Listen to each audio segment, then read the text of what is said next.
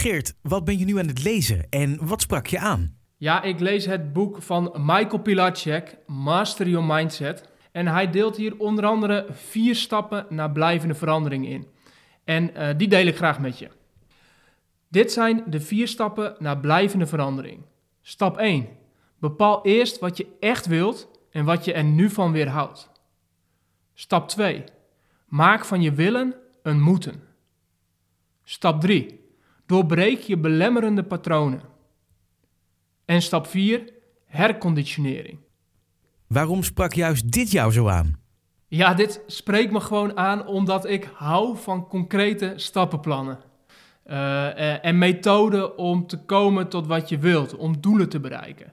Uh, en de vier stappen die Michael Pilacek hier beschrijft, zijn denk ik geen rocket science. Hè, waarschijnlijk, als je ze hoort, denk je, ja, dat weet ik wel, dat snap ik wel. Um, en ik denk dat dat tegelijkertijd ook de kracht is van deze vier stappen, wat hij beschrijft voor blijvende verandering. Want blijvende verandering is inhoudelijk niet zo moeilijk. De kunst is natuurlijk om het ook echt in de praktijk te brengen. En laat ik de vier stappen gewoon even kort bij langs gaan. Gewoon voor de duidelijkheid. En dan kun je nooit zeggen dat je niet weet welke stappen het zijn. En dan gaat het alleen nog om deze stap ook in de praktijk te brengen. Stap 1 is dus, bepaal eerst wat je echt wilt en wat je er nu van weerhoudt.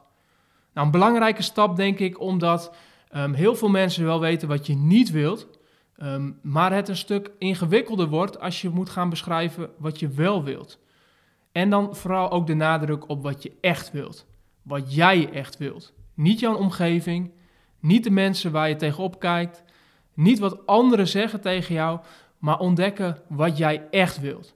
En het tweede stukje is natuurlijk minstens zo belangrijk. Ontdek wat je er nu van weerhoudt.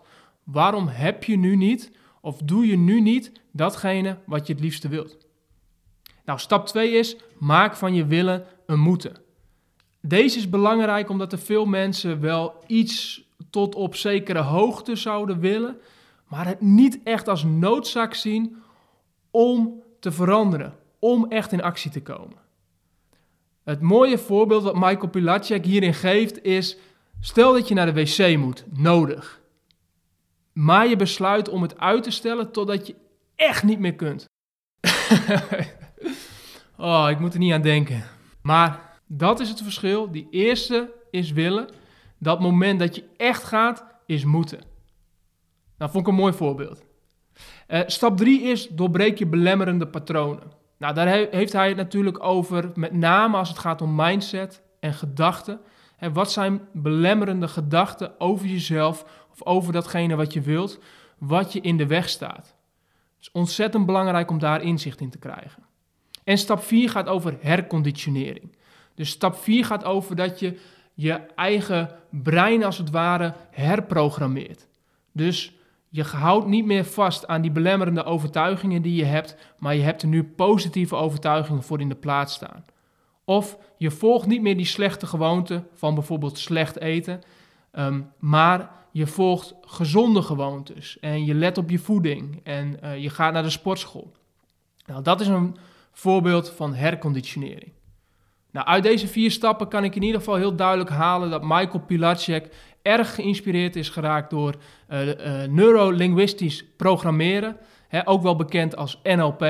En deze vier stappen komen ook heel erg terug in het NLP-gedachtegoed. Dus nog één keertje deze vier stappen. 1. Bepaal wat je echt wilt en wat je er nu van weerhoudt. 2. Maak van je willen een moeten. Stap 3. Doorbreek je belemmerende patronen. En stap 4. Herconditionering. Dit zijn de vier stappen volgens Michael Pilacek naar blijvende verandering. Oké, helder. Bedankt voor het delen. Ja, graag gedaan. Jij bedankt voor het luisteren. En als we het dan toch hebben over delen, dan wil ik je nog het volgende vragen. Als deze podcast jou iets van waarde heeft opgeleverd, dan wil ik je vragen om deze podcast te delen met één iemand uit je omgeving waarvan je weet dat hij of zij hier ook iets aan heeft. Dankjewel en tot de volgende keer.